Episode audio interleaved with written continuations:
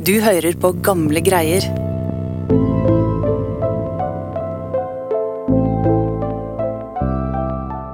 I 1860-åra gikk en slank mann med bestemt blikk blant høye marmorsøyler og mørke bokhyller på universitetet i Kristiania. Forskeren Eilert Sundt han hadde status og innflytelse. En hotshot innenfor den akademiske eliten. Og han var ikke redd for å si hva han mente. Men en dag valgte han å stå opp for en upopulær mening. Selv om han hadde vitenskapen på sin side, så vendte nesten hele miljøet han ryggen. Alt han hadde jobbet så hardt for, sto i fare for å rakne. Han risikerte rett og slett å bli cancela.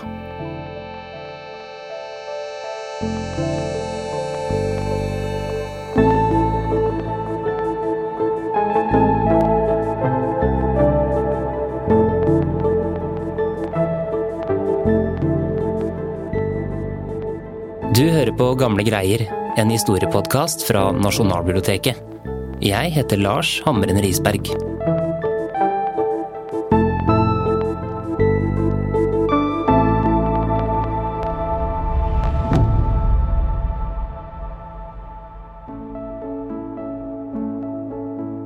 En dag midt i 1860-åra satt en mørkhåra mann med runde briller bøyd over et skrivebord og skreiv så busta føyk. Live Fedler Nilsen, historiker og journalist på Nasjonalbiblioteket. Han het Eilert Sundt, og han var en ledende akademiker og samfunnsforsker i Kristiania. De banebrytende metodene hans for å forske på folk, med spørreundersøkelser og dybdeintervjuer og lange turer på feltarbeid, hadde sikra han et spesielt statsstipend. Og det hadde sikra han jobben som formann i Folkeopplysningsselskapet og redaktør for bladet deres.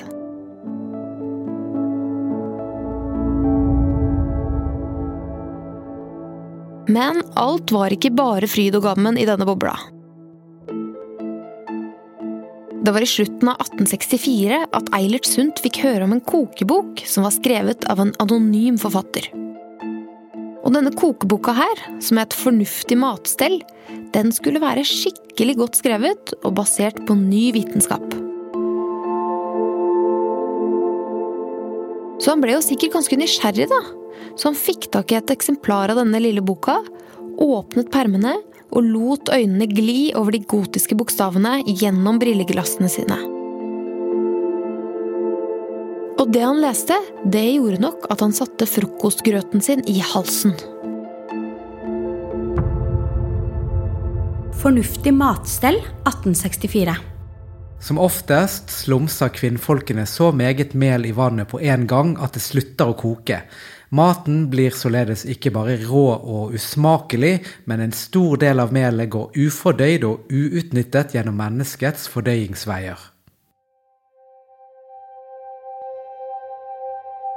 Denne anonyme forfatteren mente altså at norske bondekoner ikke kunne koke grøt.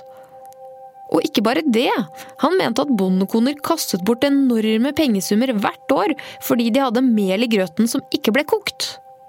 Dette melet var bortkasta, mente forfatteren, og bondekvinnene de skjønte jo ingenting av hvordan mat skulle lages ordentlig.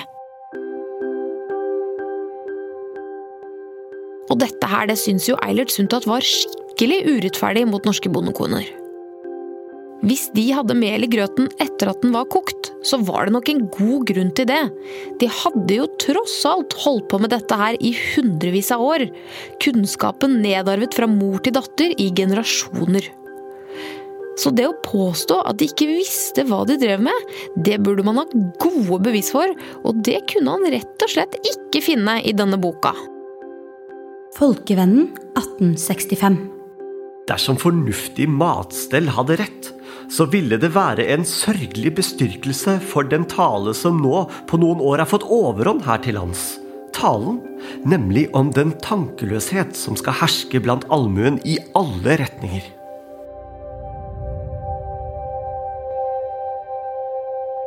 Eilert Sundt ranta videre om hvor dumt det var å se bort fra all kunnskapen som bondekonene hadde. Han gikk virkelig ikke rundt grøten. Folk har trodd, står det her.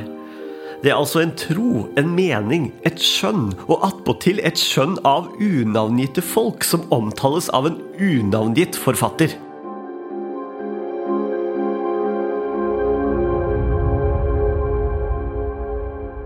I denne perioden var vitenskap på fremmarsj, og gamle bondetradisjoner var jo ikke spesielt populære. Så Eilert Sundt han gikk jo mot strømmen da han forsvarte kunnskap bøndene hadde hatt i mange generasjoner. Ja, og Eilert Sundt han hadde sikkert forventet å få litt motstand på dette her, men han ante nok ikke hva slags vepsebol han hadde stukket pennen sin inn i denne gangen. For nå hadde han virkelig tråkket på tærne til feil person. Den anonyme kokebokforfatteren var nemlig ingen ringere enn den berømte eventyrsamleren Peter Kristen Asbjørnsen.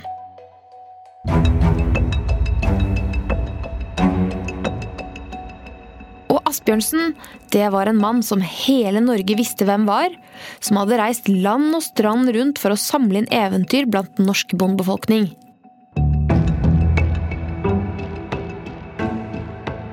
Og han var en fyr som var veldig anerkjent i det akademiske miljøet. Ikke bare for folkeeventyrene, men også for sine zoologiske og økonomiske studier. Og Asbjørnsen han hadde mange tilhengere. Han var den typen som alltid var midtpunktet på festen og fortalte de gøyeste historiene. Du vet den typen som tar hånden din i begge sine og klemmer den hardt når han skal hilse.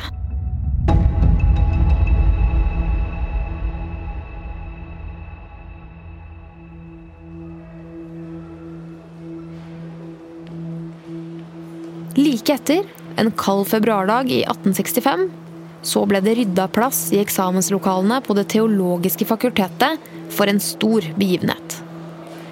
Det skulle nemlig holdes generalforsamling i Folkeopplysningsselskapet, som var det akademiske selskapet som Eilert Sundt var formann for. Sundt han hadde jo hatt en stabil posisjon der i mange år. Dette her var jo nærmest hans andre hjem, og han håpet nok å bli gjenvalgt til formann enda en gang. Ærverdige herrer i flosshatt strømmet gjennom de staselige dørene til universitetet. De hang opp de lange frakkene sine, og så satte de seg i de mørke tremøblene. Så begynte en skikkelig ordkrig. Morgenbladet 1. mars 1865. Det var sikkert at grøtkokingen stred mot alle kjemiens regler. Sundt gjorde ubotelig skade ved å motarbeide populære forfatteres virksomhet. Det var et resultat av Sundts lyst til å si nye og overraskende ting. Man trengte ikke være noe geni akkurat for å skjønne at kokebokforfatteren hadde rett, mente flere. Og hvis ikke bøndene tålte å få høre at de gjorde ting feil en gang, ja, da sto det enda dårligere til med norsk bondebefolkning enn de i utgangspunktet trodde. Og Sundt han ble jo litt satt ut av dette her, da. Men han hadde jo ikke tenkt å gi seg, for han følte jo at han hadde rett her. Og det gjorde han sint og lei seg at norske bønder ble snakka om på denne måten. Så han prøvde så godt han kunne å samle seg, få orden på den grøtete stemmen og gå i forsvarsposisjon. Og heldigvis så fikk han litt støtte av en av sine gode venner, filosofen Marcus Monrad. Og snart så klarte han å reise seg til forsvar.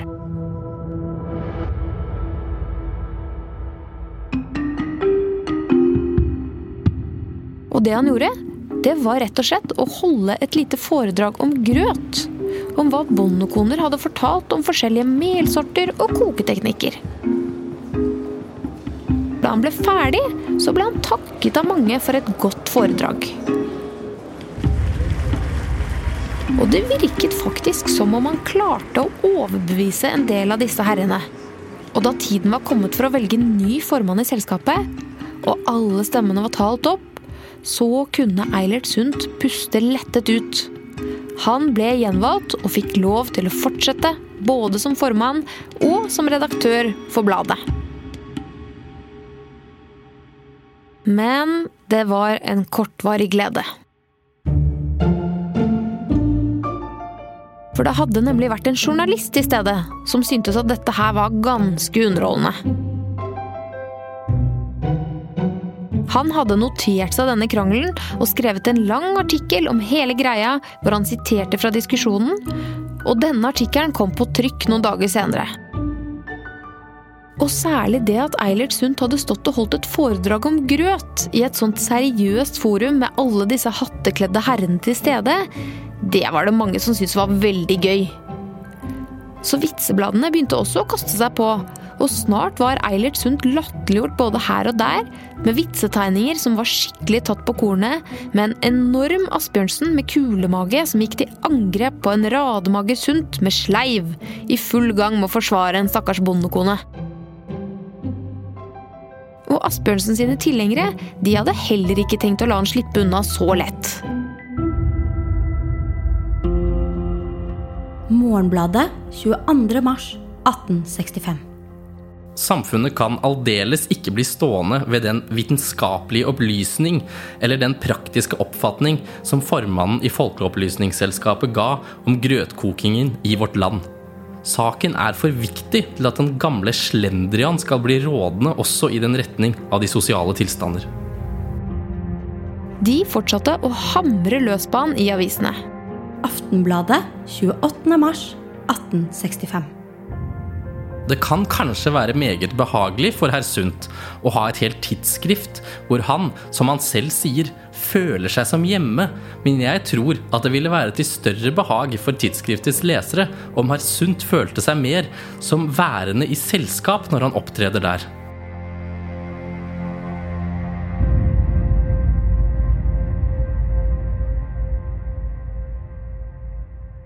Dette her begynte jo å tære på etter hvert. Det var nok ikke spesielt gøy, selv om Sundt var vant til å tåle kritikk. Særlig når flere av de han trodde var på hans side, begynte å lytte litt til disse argumentene.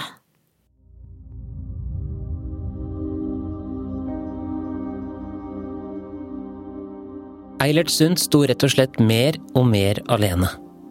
Han kjente på det å være på utsiden av det gode selskap.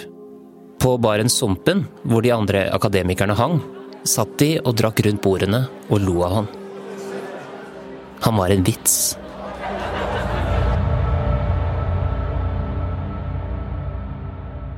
Og så var det familien hans. Kona Nikoline kom fra en respektert familie.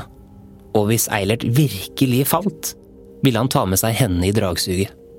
Og deres ti år gamle sønn ville kanskje bli forhåndsdømt hvis han senere skulle ønske å gjøre en karriere på universitetet.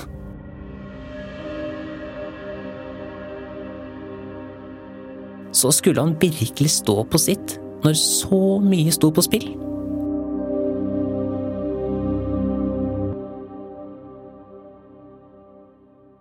Mens dette surret i hodet på Eilert, dukket opp en mann som skulle gi konflikten en ny vending.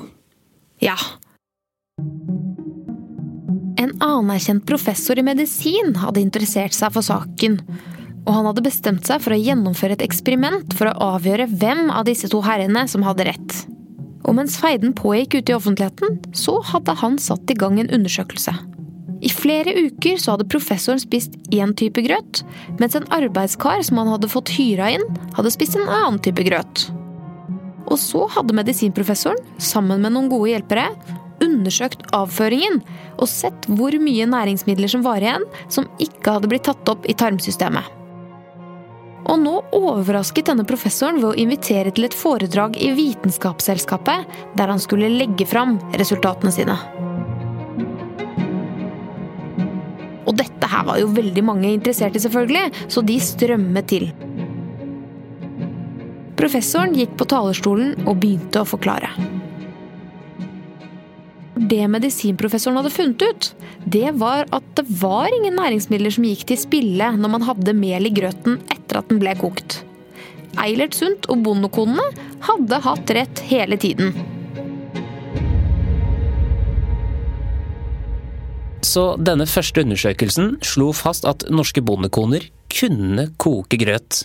Og etter et år med drittslenging, så hadde Eilert endelig fått bevis. Ja, og han klarte jo selvfølgelig ikke å dy seg, så han skrev jo det i avisene, at han hadde hatt rett. Men hvis han trodde at saken var ute av verden, så tok han feil.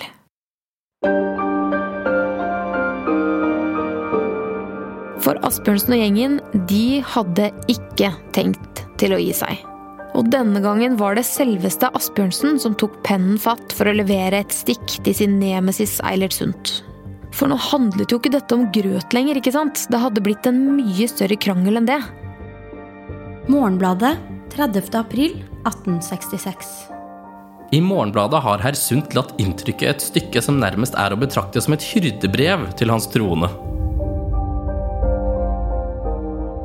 Nå sto striden om hva som var vitenskap, og hva som ikke var det. Kunne nedarvet kunnskap ha noen nytteverdi, eller var det bare støvete tradisjoner og overtro? Og ikke minst, hadde Eilert Sundt mista grepet som forsker?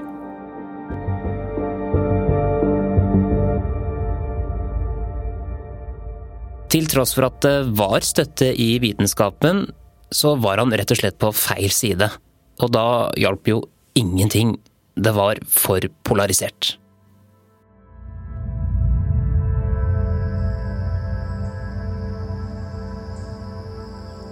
Etter dette spetakkelet her så pakka Eilert Sundt kofferten sin og dro på en lengre sommerferie, bort fra hele hovedstadsgryta. Det var sikkert godt å få litt avstand fra alt sammen.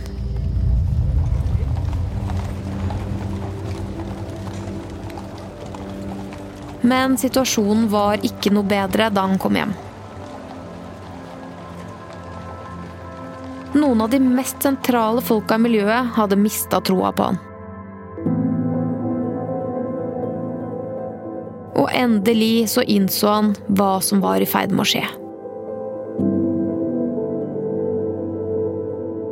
Uten støtten fra disse viktige folka, så var han ferdig som nøkkelperson for Folkeopplysningsselskapet. Han måtte rett og slett gå ned fra tronen og gi fra seg septeret.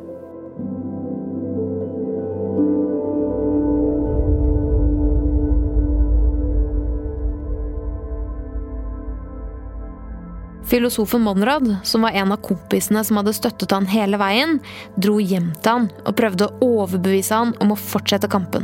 Men Eilert Sundt hadde fått nok. Og i neste møte så var det klart for alle. Eilert Sundt hadde takket for seg som formann og redaktør i Folkeopplysningsselskapet. Han hadde vært på høyden av karrieren sin, og nå ble han rett og slett skjøvet ut i kulden. Og ikke nok med det.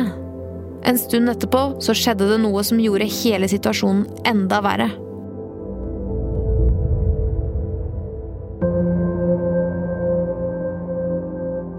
For mange av disse folka på Stortinget de kjente jo godt til dette miljøet. For de fleste av dem var embetsmenn og hadde selv studert juss og medisin og teologi. Og nede på vannhullet Sumpen så hadde jo de også hørt snakk om denne grøtkrigen og om Eilert Sundt. Og når det da ble litt dårligere tider, og de måtte stramme inn på budsjettene, så syntes flertallet på Stortinget at det var på tide å fjerne statsstøtten til Eilert Sundt. I stedet skulle han få en stilling som prest på Eidsvoll, så han kunne ha til salt i grøten. Mannen som hadde levd og åndet for forskningen, var nå forvist til prekestolen på Eidsvoll for resten av sitt liv. Han hadde rett og slett blitt cancela.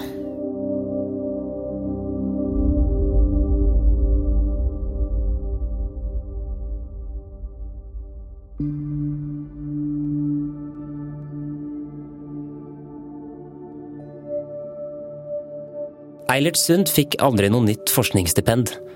Men han ga ikke opp forskningen helt likevel. Han fortsatte å gjøre undersøkelser og skrive i avisene.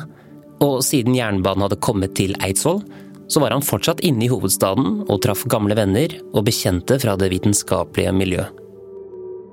I sin samtid var han en respektert og anerkjent forsker, selv etter grøtstriden.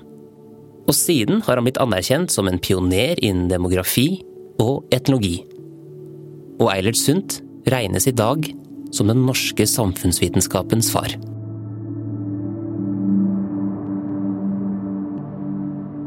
Dessverre fikk Eilert Sundt aldri oppleve denne anerkjennelsen mens han levde. Det at han sto på sitt i grøtstriden, gjorde han upopulær. Selv om han hadde vitenskapen på sin side, hadde han lagt seg ut med feil folk i eliten.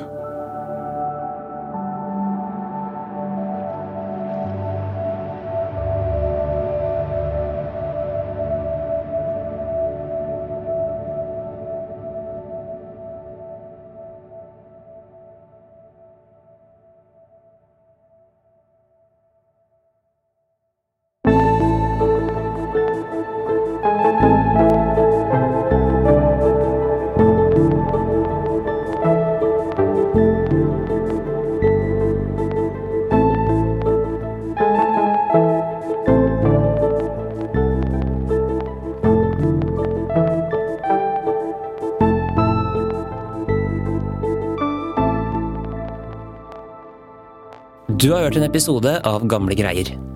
Episoden er laget av Live Fehler Nilsen, Ragna Nordenborg, Dang Trind og meg, Lars Hamren Risberg. Kilder til episoden var Eilert Sundt, en dikter i tjenestegjerninger, av Halvdan Olaus Christoffersen. Eilert Sundt som folkelærer av Hjørdis Lunde. Fornuftig matstell av Peter Kristen Asbjørnsen. Folkevenns årganger 1864 til 1867 artikler i Morgenbladet og Aftenbladet i perioden 1864 til 1867. Store norske leksikon, og blant de lærde og ulærde anekdoter og episoder fra hovedstadens akademiske liv av Tore Lie. Du har hørt musikk fra Epidemic Sound og Therese Aune. Du finner mer av Thereses musikk på thereseaune.com, eller der du strømmer musikk til vanlig. Mitt navn er Lars Hambrenner Isberg. På gjenhør.